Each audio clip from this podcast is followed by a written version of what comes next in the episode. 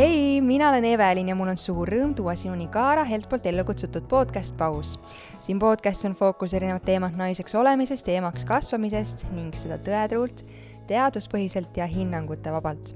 täna on saates külas Ivika, kellega räägime müofunktsionaalsest teraapiast jah, just sellest, mis ilmselt paljudele mitte mingit seost ei tekita ja millest mitte midagi ehk ei tea.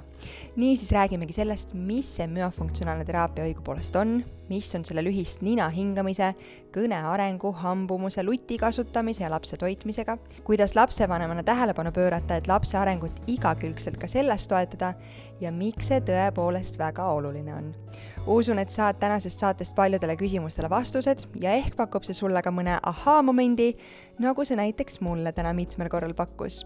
igal juhul on Ivika tõepoolest suurepärane spetsialist, kes seda teemat tänases saates väga mitmetahulise vaate läbi jagab ja eks ikka lootuses paljude laste, perede elukvaliteeti, tervist ja teadmisi parandada.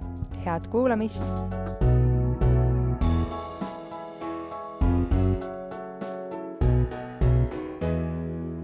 Tšau, Ivika. tšau.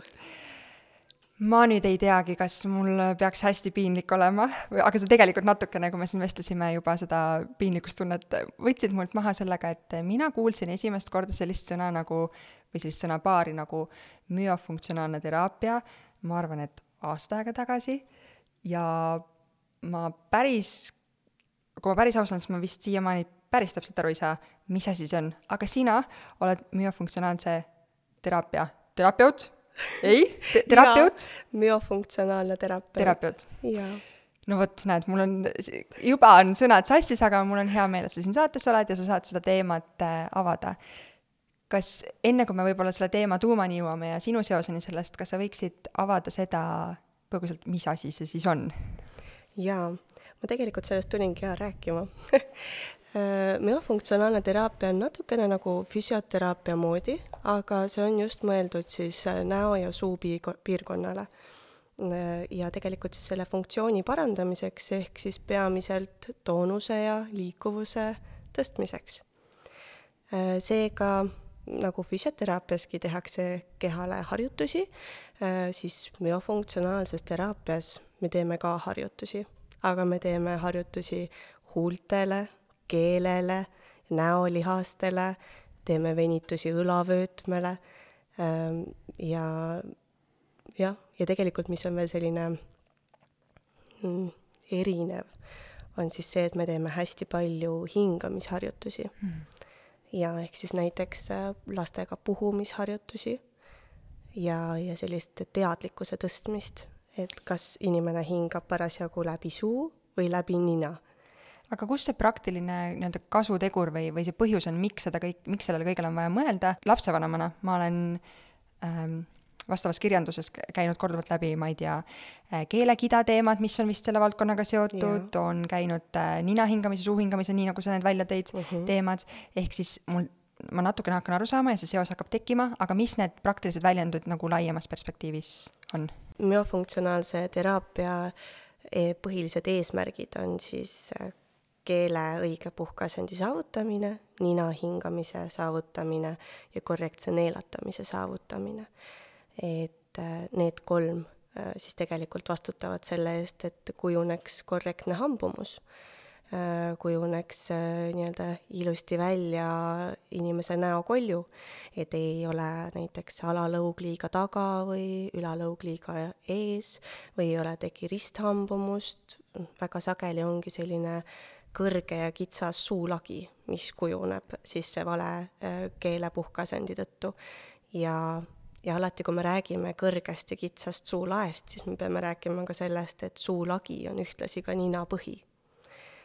nii et mm. mida kõrgem on suulagi, seda vähem on ninamahtu ja väga sageli see siis täiskasvanu eas väljendub selles, et, et kui näiteks lapsena Äh, inimesel õnnestus hingata läbi nina, ta lihtsalt ei teinud seda, kuna see oli ebamugav või see oli harjumuslik, siis täiskasvanu tal seda, äh, täiskasvanuna tal seda võimalust enam ei ole. ehk siis väikese füüsilise aktiivsuse tagajärjel ta juba peab hingama suu kaudu. aga kas need äh, teemad on äh, miski või, või need, see keele õige puhkeasend ja nina hingamine, kas see on miski, mis peaks igal lapsel, inimesel tulema loomulikult ja mingil põhjusel on ühel hetkel vaja sekkuda ja, ja teraapiaga seda lahendada, äh, või see on, see sõltub juba varases äh, lapsepõlves mingitest konkreet-, konkreetsetest mustritest ja, ja pingutustest? jaa ähm isegi nii kaugele tagasi, et tegelikult on uuringutega leitud, et äh, rasedad naised, kellel on äh, uneaegne hingamishäire, uneapnoe, äh, obstruktiivne uneapnoe, siis nende, neil on esiteks kõrgenenud risk põdeda preeklampsiat, neil on kõrgenenud risk põdeda sünnitusaegset kest-, seda diabeeti ja ja ka nii-öelda varasemalt sünnitada siis, nii-öelda mm. enne tähtaega sünnitada. ja nendel lastel on märgatud, et ongi kõrge kitsas suulagi juba sündides. et, eh, et sealt see saab nii-öelda kõik alguse, aga, aga jah, tegelikult see ei ole selline geneetiline lugu, et, eh, et, et minul õnnestub õige keelepuhkas endaga, teistel näiteks, teisel ei õnnestu mingil põhjusel. seal ähm, nii-öelda see ei peaks nii olema. aga seal ongi need kindlad tingimused, on äh, keele vähene liikuvus, nina hingamistakistus äh, või mingisugune harjumus, pöidla imemine, liiga kaua luti imemine, et ähm, need kõik mõjutavad meid ma arvan, et nagu sa ütlesid, et see keelekida on varem läbi käinud mm, on ju, et siis tegelikult äh, see keelekida ongi selline hästi salakaval teema. seal on nagu eesmine keelekida ja tagumine keelekida, keegi nagu täpselt ei tea, kes seda hinnata oskab. Äh, tegelikult see ongi nii tabu teema, äh, on väga vähe spetsialiste Eestis, kes päriselt vaatavad keelt ja hindavad selle funktsiooni ma olen kohanud äh, ja kuulnud palju spetsialistidest, ka perearstidest, kes äh, hindavad nii-öelda lihtsalt, et lükka keel suust välja ja kui ta sinna ulatub piisavalt kaugele, see on ka väga subjektiivne, siis äh, keelekida justkui ei ole. aga kui nad jõuavad minu juurde, siis ma vaatan ikkagi, kuidas see keel liigub seal suus, kas see keel tõuseb suulakke kas tal õnnestub keele tippu tõsta vastu suulage avatud suuga, kas tal õnnestub teha keelevaakumit, ehk siis et keel liigub täielikult vastu suulage mm., nagu survestab suulage nii eest kui ka tagant, aga samal ajal see keel püsib hambakaare sees, mitte ei vaju hammastele. et äh, et seal on nagu nii palju asju, mida veel jälgida, mitte lihtsalt seda, et kas keele väljalükkamine õnnestub. ma jälgin ka seda, et kui laps suudab lõpuks hoida keelevaakumit, noh, mõnel õnnestub see kiiremini, mõnel aeglasemalt ja mõned lapsevanemad teevad harjutusi kaasa visiitidel ja avastavad, et neil ka ei õnnestu. tead, mitte ainult visiitidel, ma tahaks arvata, et nii nagu mina praegu sind kuulates, mul keel käib suus ringi ja ma püüan kõike seda jäljendada, mida sa räägid, siis ma kujutan ette praegu väga suur osa kuulajatest täpselt samamoodi. lükkavad oma värsket beebit seal kärus, jalutavad või sõidavad autoga ja keel suus käib ringi. Jaa, aga kusjuures äh, selle kohta on ka uuring tehtud, et äh, miks näiteks laste kõne hilistub. Äh, see ei ole nagu nii-öelda sada protsenti, et kõigil, kelle lastel on kõne hinist-, hilistunud, et see on nüüd see põhjus, aga tulles tagasi selle keelekida juurde või nina hingamistakistuse juurde, siis äh, tegelikult need kaks asja mõjutavad keele liikumist suus. Äh, on tõestatud siis uuringuga, et kui laps kuuleb kõne, mitte ta ei vaata telekat ja sealt ei kuule kõne, vaid ta näeb oma ema rääkimas või kedagi teist kuuleb või näeb rääkimas, siis tema suus keel liigub jah, ja kui see suu on suletud ja keel on õiges kohas puhkeasendis, puhkab vastu suulage ja ta seal liigub, ta teebki tegelikult kaasa neid liigutusi mm., mida ta mõtleb, et ema teeb, ta justkui matkib, lapsed on suurepärased matkijad. ja, ja kui nüüd see nina hingamine on takistatud, see lapse suu on lahti, keel ei liigu nii, nagu ta peaks liikuma. kui äh, keelekida on liiga tugevalt kinnitunud ja, ja seal on ka erinevaid nii-öelda astmeid ja e, erinevaid võimalusi, kuidas see võib olla kinnitatud, kas ta on siis seal suu põhjas tugevalt kinnitunud, kas ta on keele tipult e, nii-öelda liiga keele tipule kinnitunud, kas see keelekida on liiga lühike või on see hoopis see tagumine keelekida, mida ma juba mainisin, siis tegelikult e, samamoodi see keelekida hoiab seda keelt seal suu põhjas. ja näiteks kõige rohkem see väljendubki selles, et kui paluda lapsel limpsida midagi tõsta keele tippu, noh, oleneb, kui suurest lapsest me räägime, siis, äh, siis ta teeb seda keele keskosaga. see keele tipp mm. vajub alla ja keele keskosa tõuseb ülesse, ta ei ole harjunud tõstma keele tippu. ja nüüd, kui me räägime kõiki, kõikidest nendest äh, keele tipuhäälikutest nagu l, n, t, d, jah, siis ta tegelikult ei suuda neid järgi teha. Seega, kui ta kuulebki ema rääkimas, siis tema keel ei, ei liigu kaasa nii-öelda õigesti. et noh, ja lapsed on nii erinevad, keda see mõjutab rohkem ja keda see mõjutab vähem. ma olen näinud äh, peaaegu teismelist poissi, kelle keel oli täielikult suupõhjas. see ei, noh, see tõusiski sealt, ütleme, üks sentimeetri jagu kõrgemale. lõpuks, kui me harjutasime, et keele tippu üldse tõsta, sest et ta oli harjunud keele keskosa tõstma, kui ma palusin keelt tõsta. Ja, ja tema kõne oli laitmatu tegelikult. Hmm.. ma arvan, et mitte keegi ei oleks öelnud, et tal oleks olnud kõnega probleeme. Ja täpselt sama, sama salakaval on see nina hingamistakistus. me mõtleme, et need lapsed on kõik hästi nasaalse häälega, äh, see selline reno-, resonantsipuue, eks ole, või või, või me mõtleme, et äh, küllap äh, neil on kogu aeg kõrvapõletikud, see on selline hästi tavapärane. jah, et äh, kui mu lapsel ei ole kõrvapõletiket, siis tal kindlasti ei ole suurenenud adenoid. tegelikult kolmandast kuni kolmanda-neljanda eluaasta vahel on need adenoid ja kur-, kurgumandlid siis nii-öelda kõige äh,, kõige suuremad. seega sellel hetkel see probleem võib olla nii-öelda kõige teravam ähm, ja kui me siis sellele tähelepanu ei pööra, vaid pöörame natuke aega hiljem, siis tegelikult laps jääbki kõnes maha. kas tal tekivad kõrvapõletikud niimoodi, et ta ei, ei kuule, tal tekib ka kuulmislangus näiteks, või siis tema keel ei liigu seal õigesti suus kaasa, kui ta kuuleb kõnet. ta ei suuda produtseerida kõnet, sest et äh, kõik need häälikud nii-öelda, mida ta üritab öelda, ei tule õigest kohast. tal võib tekkida kogelus, ka selline psühholoogiline takistus, et ta ju tahab rääkida, temast ei saada aru või siis äh, ta, tal ei tule välja nii, nagu ta tahaks. mõned lapsed on ka sellised väga enesekriitilised, noh, nad jällegi matkivad sageli me oleme ise ka väga enesekriitilised. ja, ja tegelikult sellest, sellest lähtuvalt lihtsalt see nii-öelda, need lapsed ei jõua õigel ajal abini. aga logopeediliselt tegelikult, või logopeedid siis tähendab, ütlevad või nii-öelda lähtuvad sellest, et viiendaks eluaastaks peaks olema äh, lapsel kõik eestikeelsed häälikud selged. jah, ta peaks tegelikult suutma rääkida äh,. no meil on hästi palju ka kakskeelseid peresid, mis natukene mõjutab seda, et see, siis seal ei ole päris nii selgelt, et viiendaks eluaastaks peab olema kõik selge aga, aga see pigem äh, kipub olema nii jah, et kui on selline adenoidi probleem, nina hingamistakistus või keelekidatakistus, siis, äh, siis tegelikult viiendaks eluaastaks need häälikud ei ole puhtad. ehk siis kas laps peab pingutama liigselt, et ütelda välja neid häälikuid, mingisuguseid raskemaid, neid ongi näiteks need tõhid ja tõhid ja l-id ja r on ka veel selline.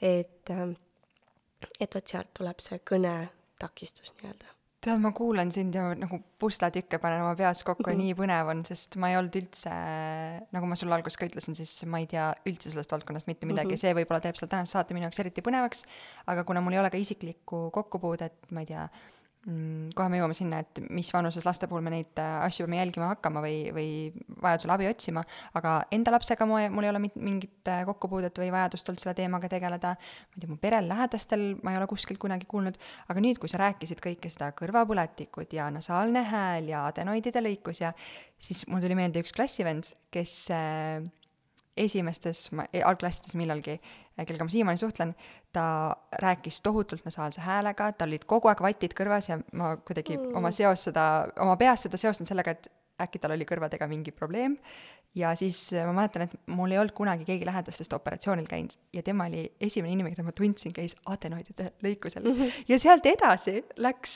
kõik nagu tema puhul, ma mäletan nii ülesmäge ja nii hästi, et äh, ta hakkas palju paremini ja puhtamalt rääkima ja minu meelest need vatid kadusid kõrvadest ära ja ühesõnaga mitte, et ma üldse ei saa võõrale inimesele mingit diagnoosi panna praegu või mm, -hmm. või aga kuidagi see kõik, mida sa jagasid, pani mu peas mitmeid pusletükke kokku.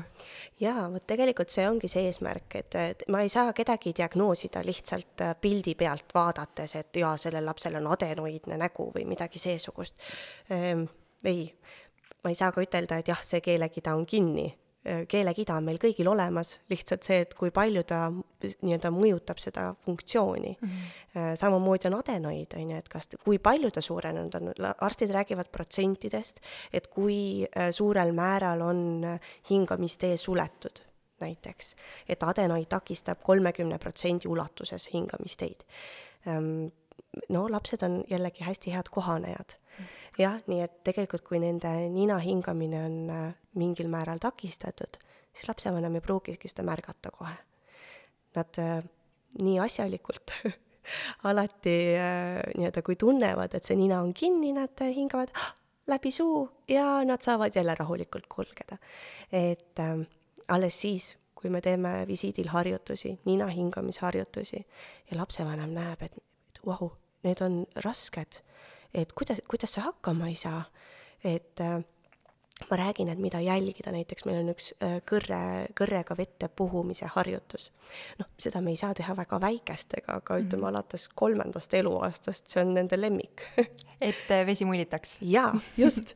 niimoodi, et ma hingan sisse läbi nina, hoian kõrd huulte vahel ja puhun vette mulle no tihtipeale nad teevad ja siis puhuvad. Ja siis jälle ja siis jälle puhuvad, jah, ja siis, kui ma neid suunan, et hoia huuled tugevalt ümber kõrre, jah, siis ma hoian enda sõrme seal kõrre juure, kõrre vastas, jah, niimoodi, et see kõrs ei läheks hammaste vahele, vot see on väga sageli, kuna väga paljud lapsed joovad nendest kõrrepudelitest, äh, see kõrs lähebki sinna hammaste vahele, siis huulte sulgust tegelikult nii-öelda ei ole vajagi.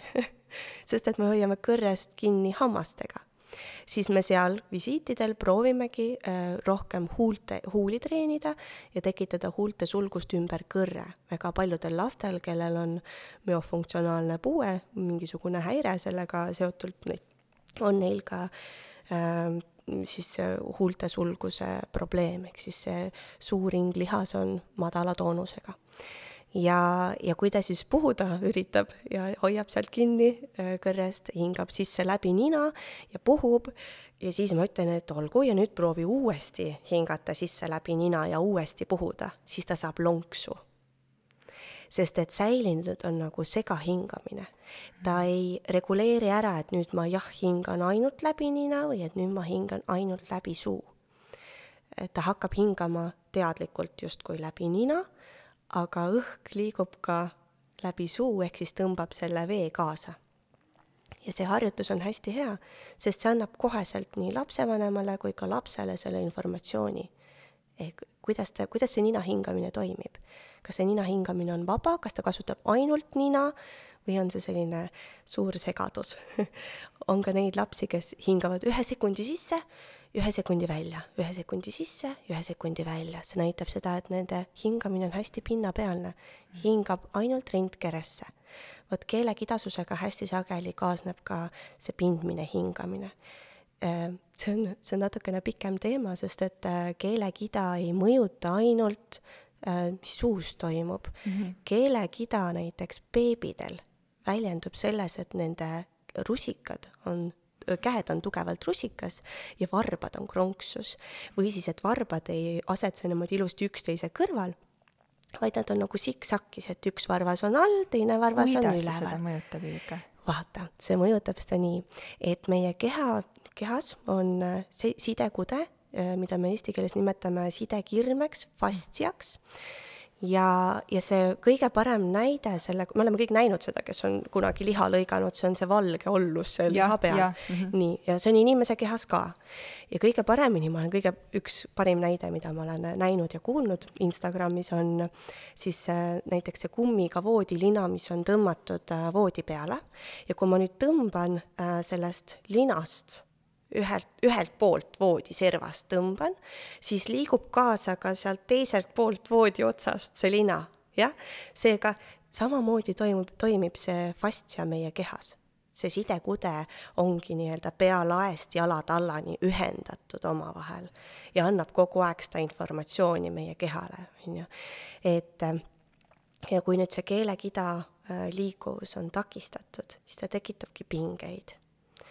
Ja, ja need pinged tekivadki kogu kehas, mitte ainult suus.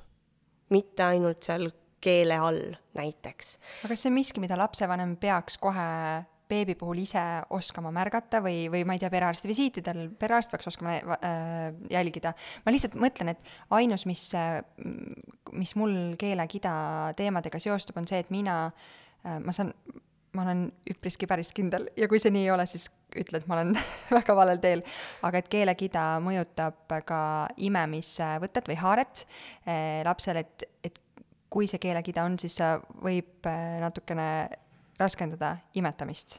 jaa, sa oled täiesti õigel teel tegelikult ja mitte ainult lihtsalt raskendada, vaid see võib muuta täiesti võimatuks beebi rinnal haakumise. Mm.. ehk siis ähm, kui imetamisnõustajad näevad hästi palju vaeva, et beebit rinnale saada, siis on ka oluline jälgida, mis seal suus üldse toimub. kas see keel üldse liigub, kas tal on võimalik tõusta sinna ülesse suulakke ehm, jah, ma tahaksin öelda, et perearstid võiksid olla pädevad seda hindama, tahaksin öelda, et juba ämmaemandad äh, leiavad nii-öelda need lapsed üles ja, ja korrigeerivad selle või vabastavad keelekida. Ma tahaksin öelda, et Eestis on see väga heal tasemel. aga äh, ma loodan, et me oleme sinna teel mina olen see ema, kellele, kes jäi ka hätta. ma nägin ise seda keelekida ma tundsin, kuidas see mõjutab imetamist. ma helistasin sünnitusmajja, sest et ma ei teadnud, kelle poole pöörduda otseselt. ja sünnitusmajas äh, mind naerdi välja.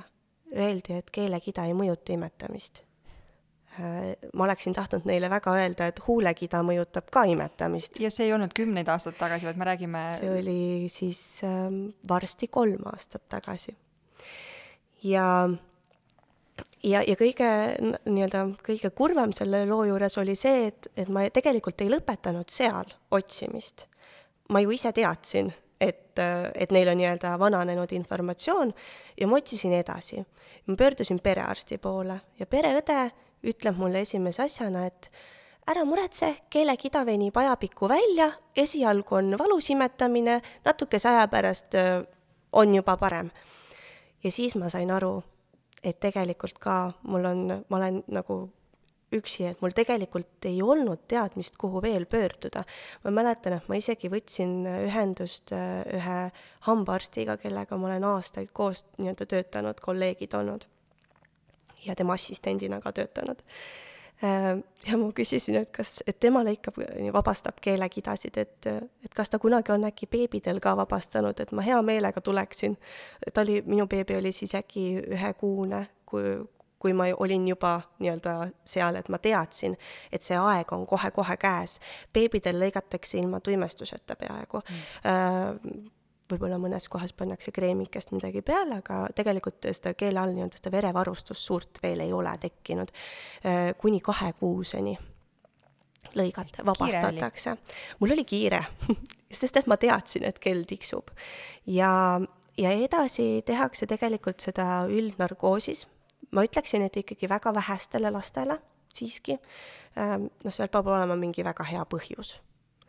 ja, ja sellest edasi kaheksandal eluaastal, alates kaheksandast eluaastast kohaliku tuimestusega. et noh, siis on uue, nii-öelda see uus ring, et siis vabastatakse rohkem, seal vahepeal on, kui logopeed suunab, noh, logopeed tavaliselt saab äh, lapse kätte võib-olla lasteaias, kui ta on umbes kolme, nelja, viieni, no kõige varem kolmesena enamasti. kui just mingisugune suurem probleem ei ole, et lapsevanem ise pöördub perearsti poole, perearst suunab lastearsti poole ja sealt see ring kuidagi jõuab varasemalt sinna. et pigem ikkagi lasteaiaealisena kõige varem äh, ja mul oli kiire ja, ja, ja siis lõpuks äh, suunas, ma palusin perearstil otsida, et äkki ta ikkagi teab kedagi, kes vabastab neid keelekidasid või oskab hinnata või vaadata. ja, ja siis ma pöördusin äh, siis nende soovitusel ITK hambakabinetti, äh, kus siis seal see keelekida vabastati. ja, ja ma olin väga tänulik sellele arstile äh, väga tänulik, et ta nägi päriselt ja et ta vabastas siis selle keelekida ja pärast seda ta ütles, et, et nüüd te võite unustada, et midagi üldse toimus. noh, beebidega on tegelikult, see päriselt ongi nii lihtne, et see keelekida vabastatud, vabastatakse hästi kergelt. Nad enamasti ei nuta isegi sellepärast, et see on valus, vaid sellepärast, et keegi on nende suus. see on ebamugav. ja pärast seda pannakse laps kohe rinnale, enamasti väga paljud lapsevanemad tunnevad, et äh, imetamine muutub koheselt efektiivsemaks, koheselt paremaks, valutumaks ja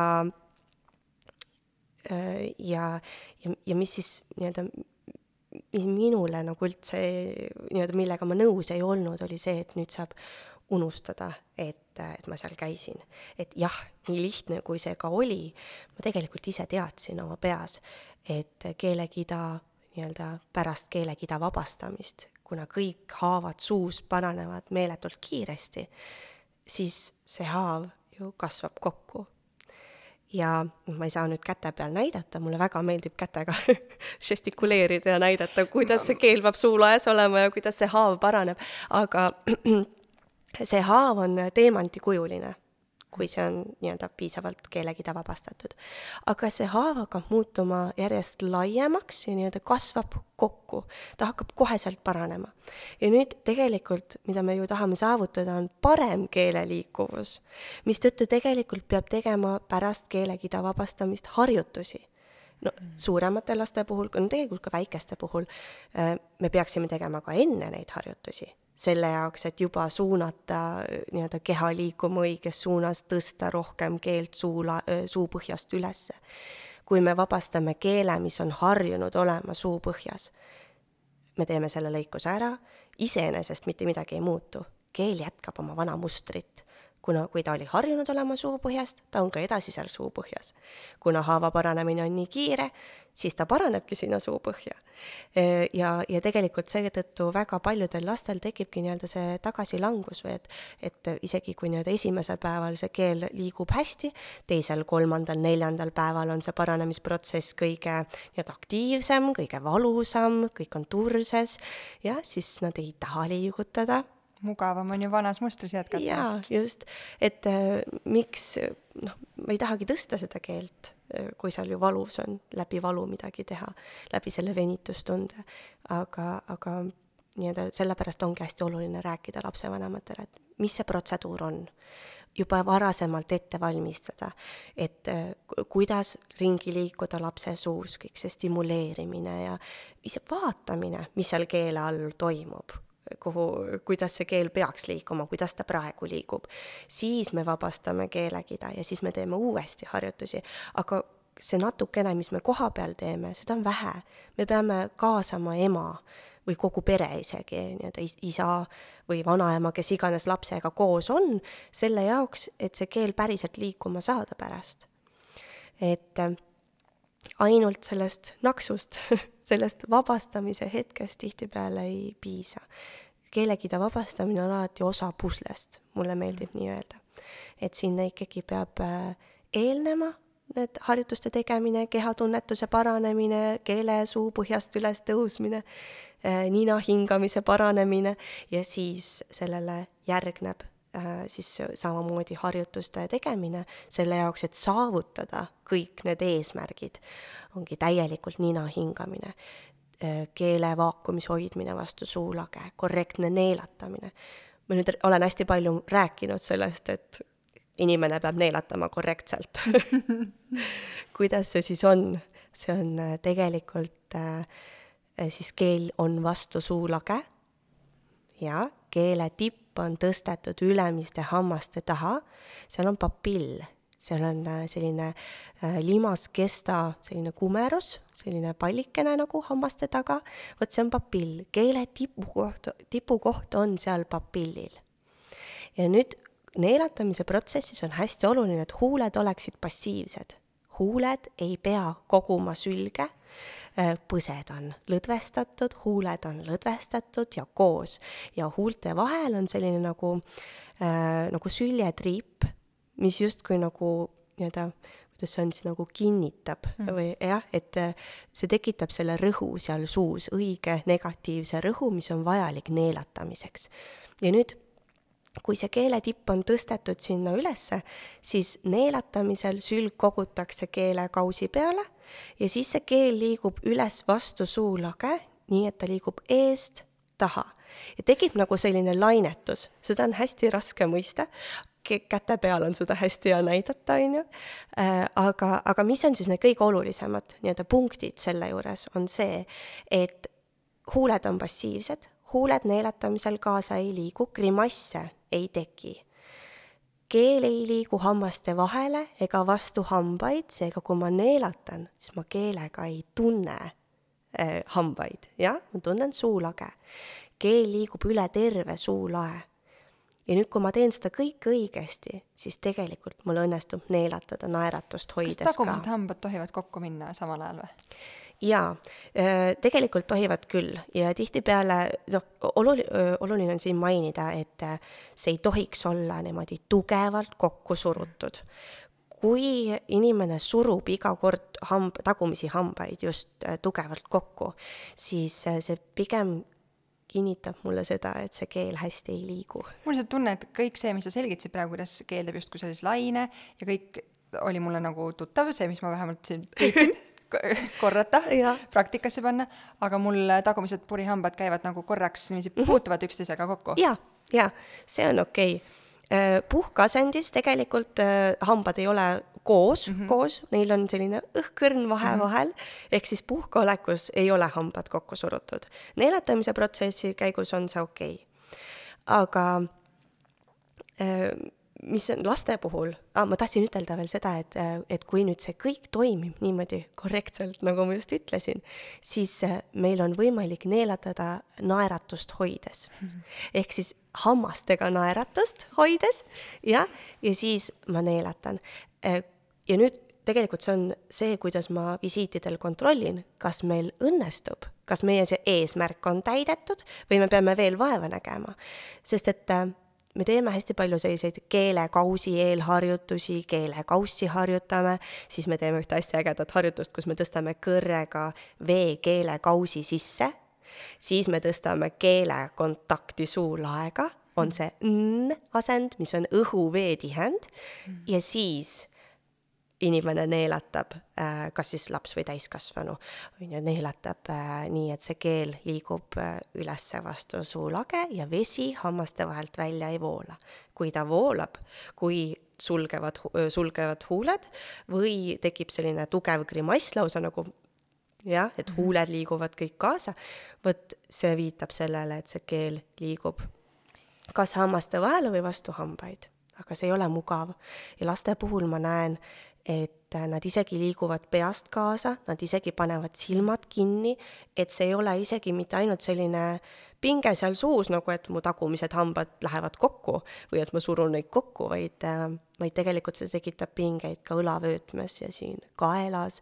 Ja, ja tihtipeale, kui me teeme harjutusi ja me teeme neid palju järjest, siis keelekida äh, puhul, nii-öelda see liiga tugevalt kinnitunud keelepida puhul, kida puhul, Äh, inimesed tunnevad ka pinget siin kuklal, kõrvade kohal, isegi pealae peal, et see kõik on nagu mõjutatud sellest.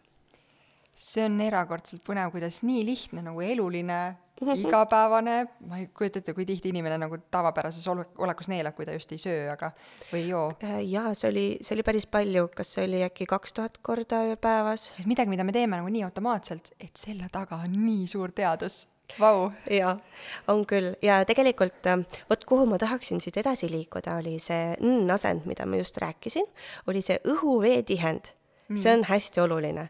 Ja kui me räägime nüüd beebidest, noh, Kaara ju ka äh, on nii-öelda ähm, suunatudki rasedatele naistele, äh, beebidele, väikestele lastele, siis see n-asend, see keele kontakt suulaega on nii oluline et see õhu-vee tihend seal oleks.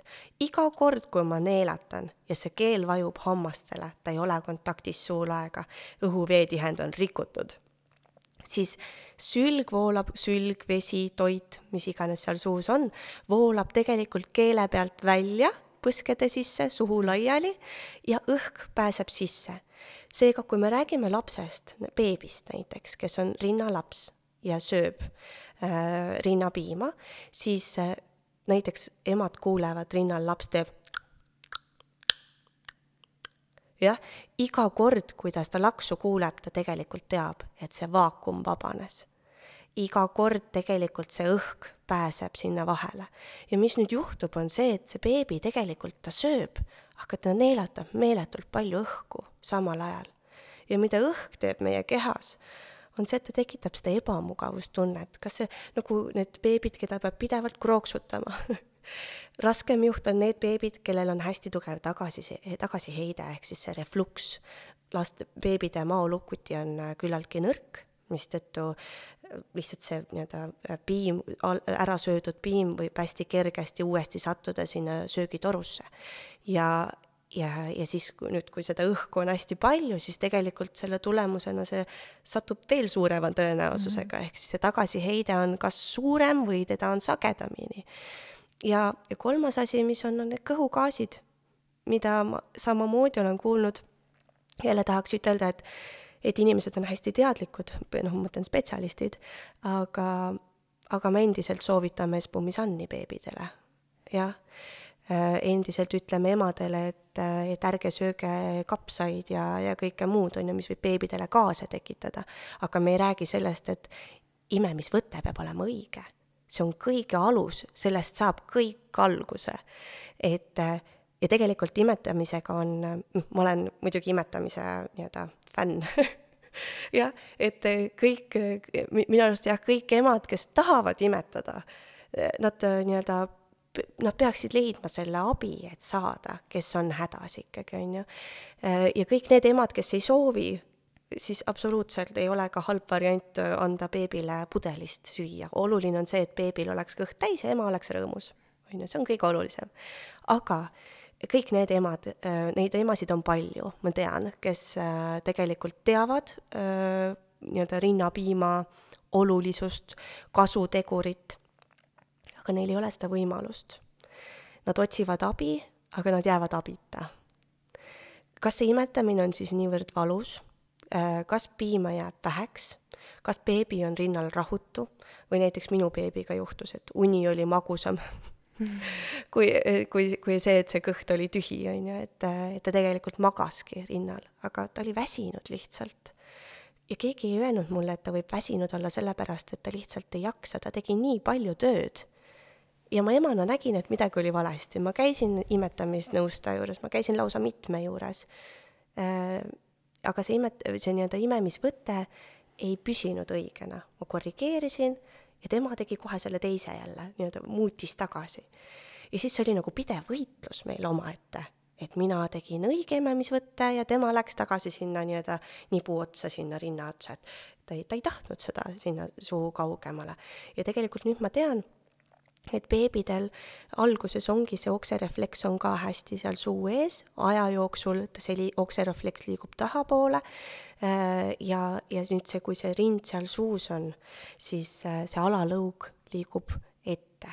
ühesõnaga, et see kõik need, see nii-öelda mm, kogu see liikumine, kuidas see rind sinna suhu satub, kuidas see alalõug äh, nii-öelda liigub, kuidas need lihased teevad tööd ähm,, Need on olulised selle jaoks, et see õige imemisvõte tekiks.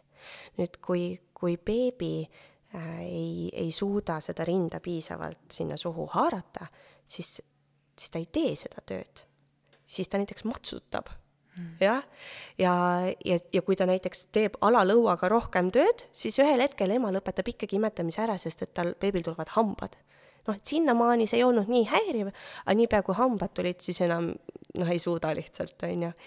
Äh, või siis äh, võib rääkida ka sellest, kuidas piim saab otsa. on äh, väga sage probleem, et alguses mul justkui on hästi palju piima ja siis umbes kolmandal kuul, see on see kõige hullem hetk nii-öelda. kus keha hakkab reguleerima vastavalt nõudlusele tootmist täpselt, enne seda kõik toimub nii-öelda hormoonide ajal. ehk siis, et ma olen saanud emaks, mu rinnad peavad tootma piima, palju aga, aga kolmandast kuust ongi täpselt nii palju, kui beebi sööb, nii palju keha ka toodab talle.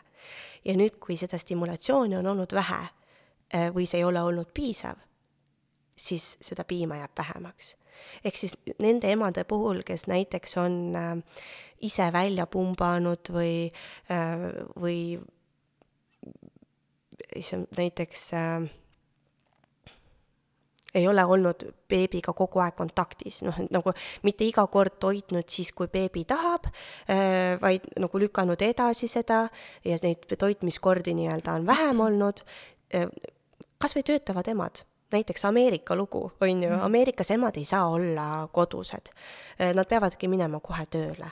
nüüd, kus seda stimulatsiooni on vähe, siis piima on ka vähe seega äh, imetamisnõustajad puutuvad väga palju sellega kokku, et äh,, et piima jääb väheks just seal kolmandal elukuul, sest et see on see hetk, kui beebi dikteerib ja kui beebil on mingisugune takistus. Kas see on siis näiteks see keelevale liikumine, ehk siis ta ei jaksa lihtsalt seal olla, see väsitab teda väga palju, ta muutub äh, selliseks rahutuks rinnal, ta ei jaksa seda piima ära oodata ja kõik, kõik need muud probleemid, siis äh, siis see on see hetk jah, kus tavaliselt see imetamine lõpetatakse, lõpetatakse nii-öelda esimese, see on nii-öelda see esimene laine, millal lõpetatakse mm. -hmm. ja sealt edasi siis äh, ka on neid, mis need, uneregressioon on seal neljandal elukuul ja et tegelikult neid takistusi on ju mitmeid, mitte ainult selle keele liikumisega seoses üldse, aga see on selline lisafaktor, ütleme nii. et, äh, et see mul on, mul on nii hea meel praegu, et see ka teemaks tuli, sest uh, mul oli väga värvikas uh, suve lõpp, kus olles um, mõnda aega tagasi ise emaks saanud, siis ikka mingi tutvusringkond tekib või sotsiaalmeedias kas või see, mida sa jälgid, on nagu väga fookuspõhine just minu puhul emadusel olnud. ja kuidagi ma nii palju näinud seda, et emad, värsked emad ütlevad täpselt sealsamas kolmanda elukuu kandis, et ma lõpetasin imetamise, sest piim sai otsa. piim sai otsa ja muidugi Kaara on andnud mulle suurepärase võimaluse siin spetsialistidelt väga palju kogeda ja õppida ja ja mul on endal väga suur huvi olnud, sest nii nagu sina oled imetamise fänn, ma olen ka imetamise fänn ja kuigi ma täiesti, ma tõesti ausõna aktsepteerin iga ema valikut ja kes valib äh, anda pudelit ja rinnavee masendajat, see on nagu sinu valik ja au, ma ausalt hindan, kõik teevad oma parimate teadmiste ja oskuste võimaluste kohaselt, et selles ei ole mitte midagi halba. aga kui ema soovib imetada, siis see, et tal on see võimalus ja ta, ta saab seda teha oma parimate teadmiste kohaselt on minu jaoks hästi kuidagi, ma tahaks seda tunnustada ja tõsta äh, ja, ja see, et ma näen äh, omades mitte spetsialistina, aga oma kogemusest ja olles spetsialistidega koos töötanud, äh, neid lugusid, kuidas emad lihtsalt ütlevad, et aga piim sai otsa, siis ma tahaks karjuda, et see, see ei olnud lihtsalt nii, et piim sai otsa, jah, meditsiiniliselt on võimalik, et piim saabki lihtsalt otsa, aga see on üli-üli-üliharv, kus keha mis, mingil põhjusel lõpetab piima tootmise. et piim on vastavalt nõudmisele, keha ka seda toodab. ja ühesõnaga, kuidas ma selle jutu juurde jõudsin, et mul oli suve lõpus väga suur dilemma endaga, et äh, ma peaksin minema õppima kas imetamisnõustajaks või tuulaks, et ma saaksin nagu heas mõttes karjuda ja teha häält, et sedasama, mida sa just siin mainisid äh,, nagu kuuldavaks teha.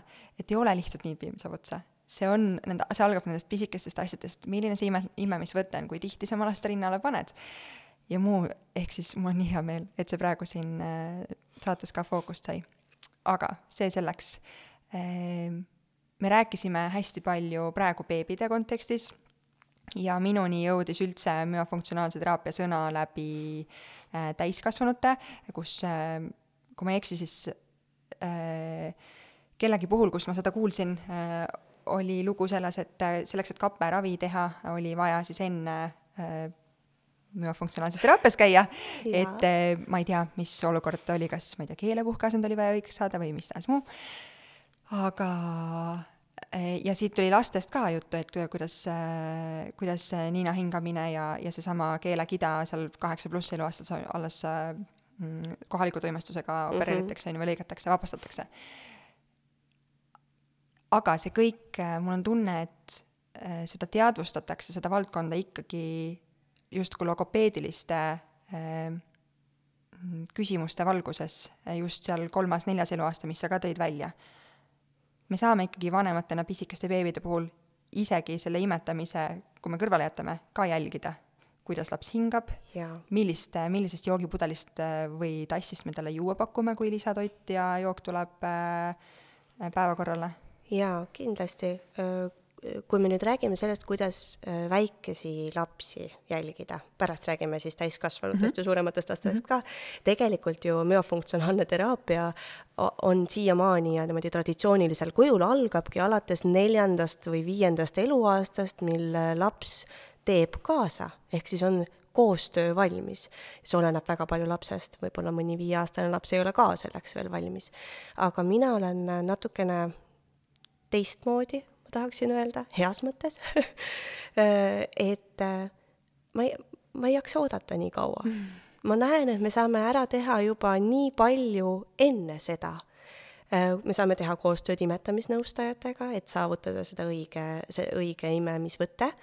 Ähm, et beebil oleks piima ja et äh, tema näokolju ja hambumus tulevikus saaksid hästi kujuneda, eks, keele liikumine oleks õige Äh, ja, ja tegelikult, mis on kõige lihtsam äh, nii-öelda ennetus beebide puhul, kaks asja. sulgeda suu peale igat toitmist ja hoida une ajal keele puhkeasendit. Äh, ma tahaksin neid siinkohal niimoodi rohkem näidata Äh, aga tegelikult äh, need äh, videod on leitavad Glossom teraapia Instagramist hoopis, mis on, ma arvan, lihtsam mm -hmm. aru saada, kuidas seda teha. aga need kaks asja on jah, sellised, mida saab nii-öelda esimesest päevast alates praktiseerida ja mis aitavadki saavutada nii-öelda, ennetada, saavutada nina hingamine, et ennetada suu hingamist. ja, ja siis nii-öelda suunata ka seda keele, suulae kontakti, mis on beebide puhul hästi oluline ja siis nii-öelda, et see säilikski terve elu jooksul. aga praktiliselt, ütle siis, mis lapsevanem tegema peab äh,? sa ütlesid suu kinni panema. jah, just peale iga... igat toitmist sulgeda beebi suu, just lõua alt kergelt lükata ülesse, huuled kokku, jah. lutt äh, seal suus ei peaks sel hetkel olema, ma saan aru Äh, lutt ei peaks olema, ma ei ole selline väga tugev äh, nii-öelda äh, lutivastane, ma ei saa seda öelda. lutil on oma koht. see on mõeldud rahustamiseks. kui me räägime sellest, et beebidel imemisrefleks rahustab neid, siis tegelikult näiteks pudeliga toitmise puhul on ka omad asjad, mida jälgida. E, ma räägin selle korraks ja ma jälle hüppasin natukene. hüppa, hüppa, väga põnev on sind kuulata et, et soovitatakse beebisid toita pudelist näiteks külili asendis hoopis, mitte süles ja mitte selili, sest et siis nad lihtsalt kugistavad seda toitu, nad ei saa ise teha pause, nad ei saa ise reguleerida. E, teine asi on see, et kui beebi näiteks magab ja ma panen talle selle pudeli või rinna suhu, siis tegelikult ta hakkab ikkagi imema ja see on imemisrefleksist, mitte sellest, et tal on kõht tühi. et, et see refleks on rahustav, jah, aga, aga seda ei tohi nagu ka kuritarvitada, ma ütleksin. et beebid on väga targad, neile peab andma võimaluse ennast ise reguleerida ja sealjuures lihtsalt neid toetama, mitte kõike nii-öelda nende eest ära tegema. et äh, lihtsalt see lutt ja lutipudel, kui need muidu on nagu väga kuidagi nii-öelda halba kohta, halba valgusesse pandud, siis tegelikult see ei pea nii olema. on äh, loodud, on olemas sellised äh, väga mm, hea kujuga, ütleme anatoomilised. jaa mm -hmm., vot anatoomiline lutt ei ole tegelikult hea lutt.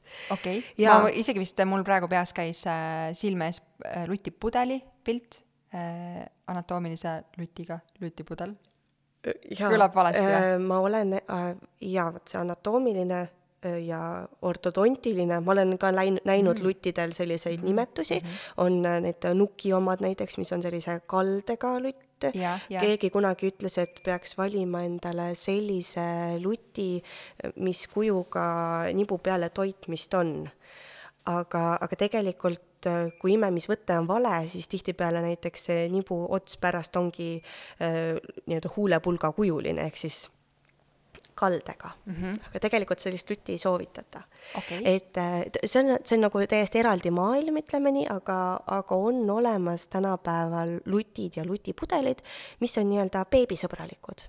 jah, ehk siis, et et beebil ei tekiks väga suurt erinevust, kas ta sööb rinnast või ta sööb lutipudelist, ta peab ikkagi nägema vaeva, ikkagi tegema tööd.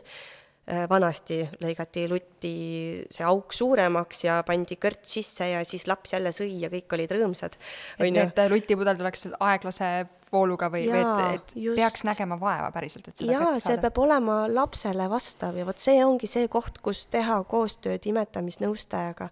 Äh, imetamisnõustajad ei tegele ainult äh, imetamise nõustamisega, vaid nad tegelevad ka toit, beebi toitmisküsimustega, kas siis noh, kõigega, on ju, kõigega, mis sellega seostub.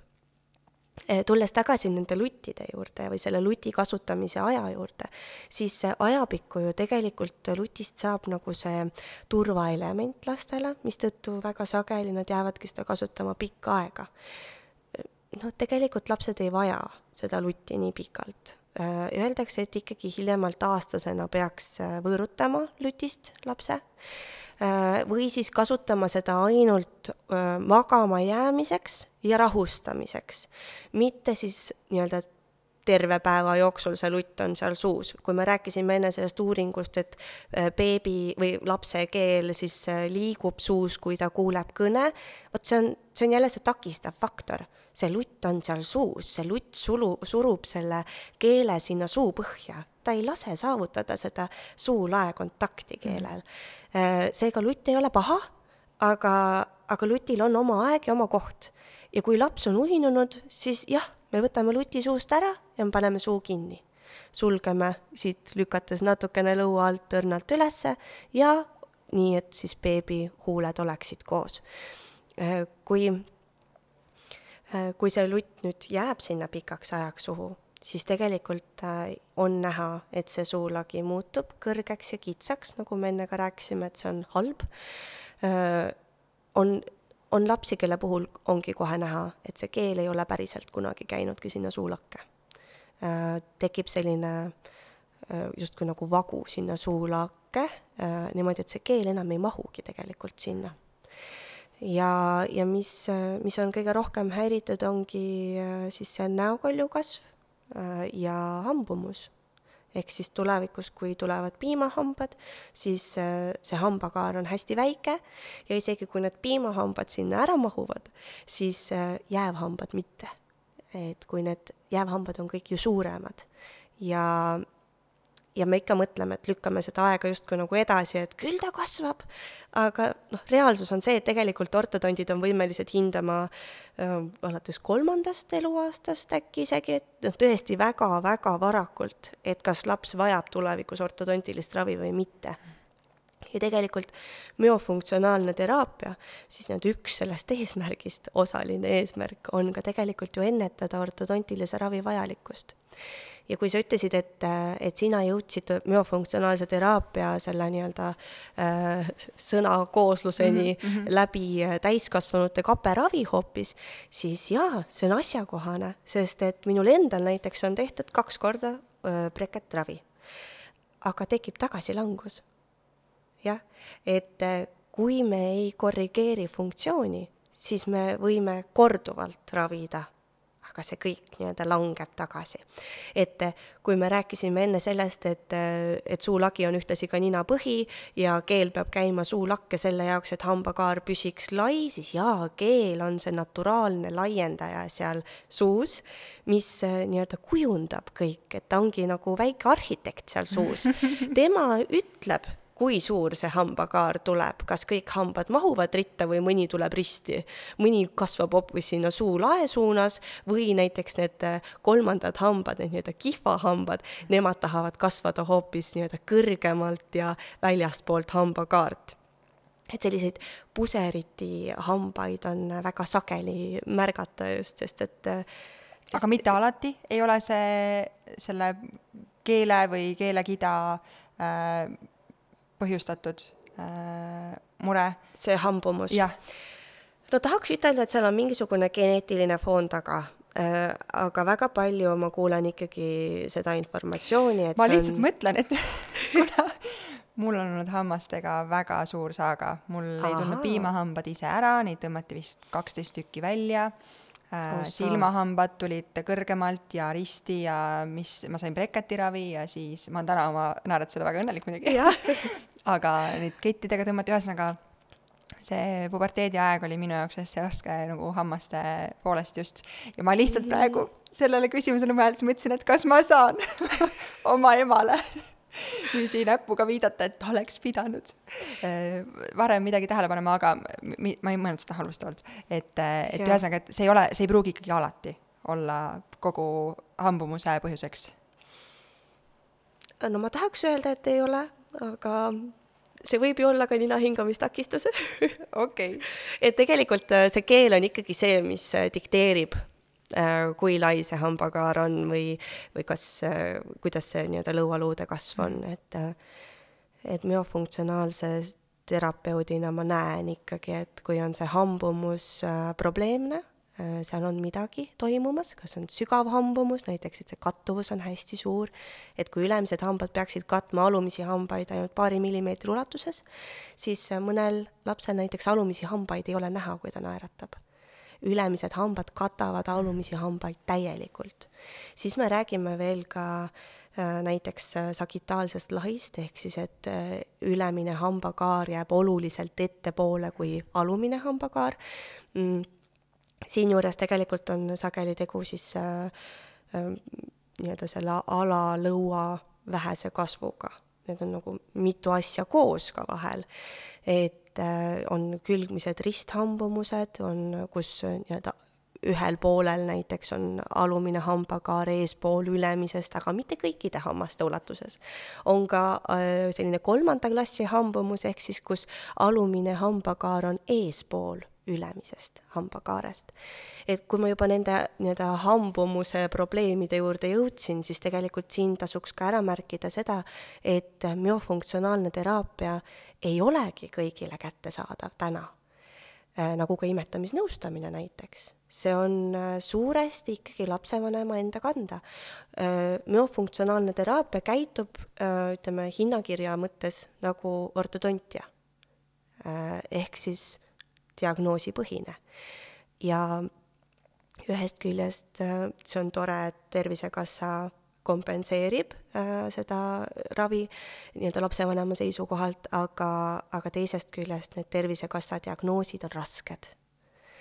et alati, kui ma teavitan lapsevanemat, et tegemist ei ole Tervisekassa diagnoosiga, mis tähendab seda, et see on lapsevanema jaoks tasuline ravi, siis sellel on hea külg ja halb külg halb külg on see, et lapsevanem peab maksma raha iga visiidi eest, aga hea külg on see, et see ravi on kiirem. see ravi on selline nii-öelda, ei nõua nii palju või et me ei alusta päris A-st ja O-st, et see, see probleem ei ole nii suur. et tihtipeale selle Tervisekassa diagnoosiga juba on ikkagi vajalik veel ka midagi muud, kas see on siis äh, ikkagi kõrva-nina-kurguarsti visiit, et teha selgeks, kas see nina hingab. vahel on ka, on ka neid patsiente, kellel on tekkinudki uneapnoe. uneapnoe ka mõjutab nii un-, nii-öelda nii elukvaliteeti kui ka hambumust mõjutab. et e, nii-öelda siis kõrva-nina-kurguarsti visiit ja ka ortodontiline ravi, jah. et see ei ole nii lihtne et on, on neid lapsi, kelle lapsevanemad peavad maksma ravi eest, aga kellega me saame niimoodi kas või paari visiidiga asja korda tegelikult.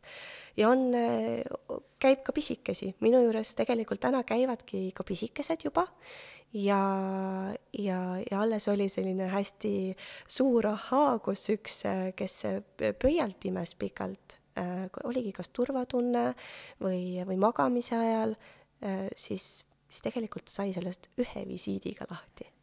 niimoodi, et kui me tegime, et nad tulid teisele visiidile, siis me lihtsalt koos hõiskasime rõõmust mm., sest et äh, see on suur asi. vaat pöidla imemine on äh, raskem võõrut- äh,, pöidla imemist on raskem võõrutada kui ähm, luti imemist mm, -hmm. on ju sest et lutime, lutil me lõikame otsa ära, ütleme, et lutt läks katki seda vaakumit enam ei teki, lapse jaoks enam efekti ei anna ja ta on piisavalt suur, et ta viskab ise selle näiteks prügikasti ära. aga pöidlaga on lugu natukene kehvem. pöidla imemine samamoodi mõjutab hambumust äh,, aga ta mõjutab ka pöialt ennast. et äh, tegelikult seal nii-öelda kõik hakkab muutuma, on ju. ja, ja me ei saa seda pöialt võtta ära lapselt ta muutubki pahuraks, on mingisugused kindad, mida saab kätte panna, aga minu kõige nii-öelda lihtsam nipp, millest alustada, on kleepida ilus plaaster pöidla peale või kas või mõlema pöidla peale. Et iga kord, kui lapsel tekib see tunne, miski takistab teda, see plaaster on seal, see plaaster on ilus, ta ei taha seda tegelikult ära võtta, võib-olla ema joonistas sinna lillekese või auto no, ja, ja siis ta vaatab seda, tal läheb hoopis mõte mujale ja, ja ta läheb oma nii-öelda selle tavapärase eluga edasi. nipid, trikid. jaa, neid nippe, trikke peab olema palju ma saan aru, et see on tohutult lai teema ja ma arvan, et ma ei ole ainus, kes täna kuidagi oma peas hästi palju pusletükke kokku pani ja mul on hästi hea meel, et see teema täna ette võetud sai. aeg on armutu ja saade hakkab otsa jõudma ja, ja ma loodan, et äkki meil on kunagi võimalus duubel kaks saadet teha ja rääkida veel laiemalt. Me enne põgusalt, enne saadet jõudsime rääkida sellest, et miks see, see hingamise pool ka, et kui pinnapealselt hingamine mm, -hmm. miks see võib-olla ei ole kõige parem. ja see, ma saan aru, et see on ka äh, minu nüüd saate lõpus ei oska öelda, müofunktsionaalne teraapia teema, aga, aga need teemad, mis praegu lauale tulid, ma usun, et siit on väga palju samastumist ja väga palju selliseid ahaa-momente, mida lapsevanemad nüüd loodetavasti, kui enne ei osanud, siis oskavad jälgida oma laste puhul ja enda puhul ka. ma õppisin seda, ma, mul käis kogu aeg keel saate jooksul korduvalt ja korduvalt suus ringi ja ma mõtlesin seda läbi, nii et aitäh, et sa seda jagasid. mul on veel lõppu üks ja. küsimus ja siis ma annan sulle võimaluse, kui midagi tähtsat veel jagamata jäi ka, aga äh, siin saates äh, noh, hambumus ja ortodontia ja, ja logopeedi teemad ka nagu ma saan aru, kas äh,, kas need kõik on kuidagi omavahel seostuvad või müofunktsionaalne teraapia on ikkagi täiesti eraldiseisev nendest eelmainitutest? Äh, müofunktsionaalne teraapia on kindlasti meeskonnatöö ehk siis äh, see tähendabki koostöös teiste spetsialistidega, sest Äh, ortodont on see, kes seda hambumust korrigeerib, müofunktsionaalne terapeut on see, kes vaatab, et see keel liiguks õigesti, et see nina hingaks, kõrva-nina-kurguarst vaatab üle need hingamisteed, et hingamisteed on vabad ja logopeed korrigeerib kõne. Ähm, aga sul terapeudina on mis väljaõpe? Mina tegelikult olen hoopis äh, teistsuguse taustaga kui tavapäraselt. no näed, me peame juba sellepärast teise saate tegema jah mul oleks väga hea meel selle üle, äh, on tegelikult nii palju, mida ma tahaksin veel jagada. Äh, jaa, tegelikult ma olen hoopis Tallinna Ülikooli tervisejuht no,. seega ma olen südames puhtalt nii-öelda ennetustöö inimene, eks ole.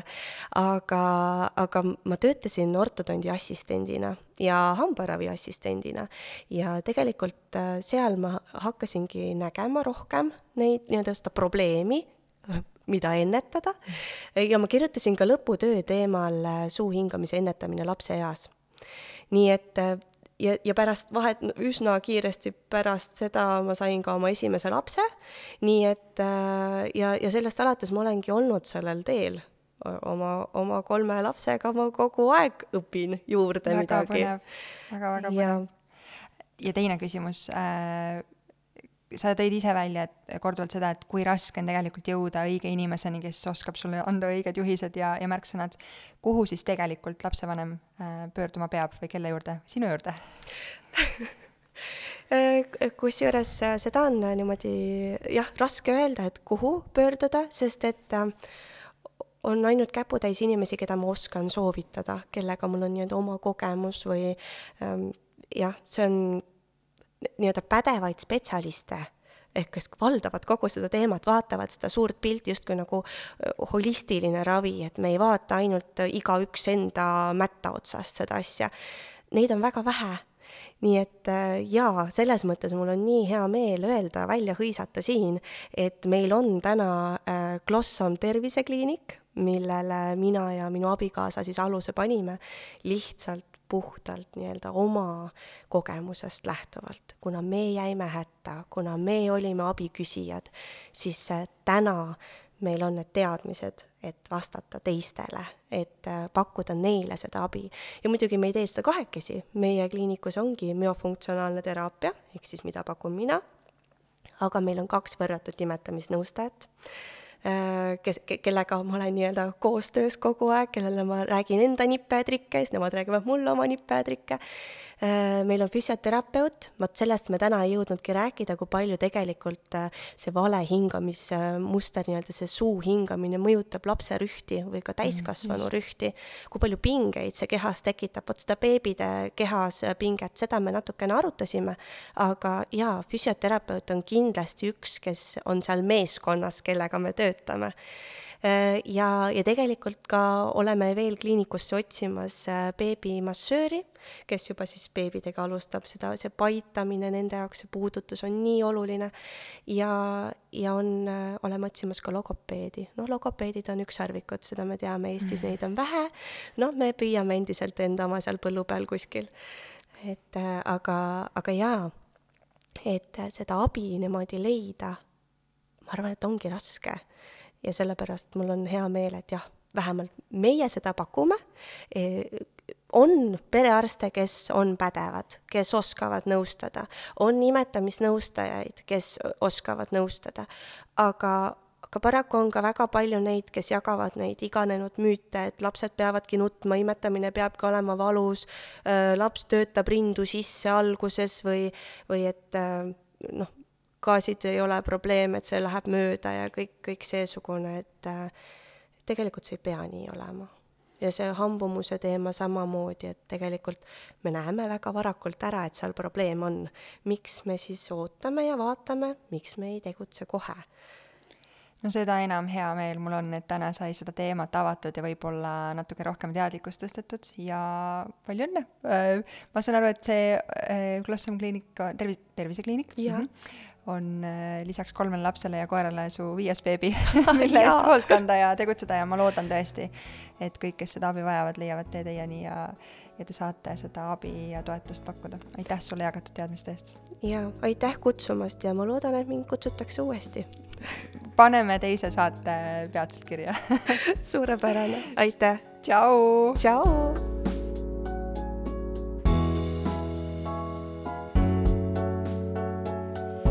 Saate toob sinuni Kaara, naiste tervise ja heaolu edendaja rasedus- ning emadusperioodil. vaata lähemalt kaarahelts.io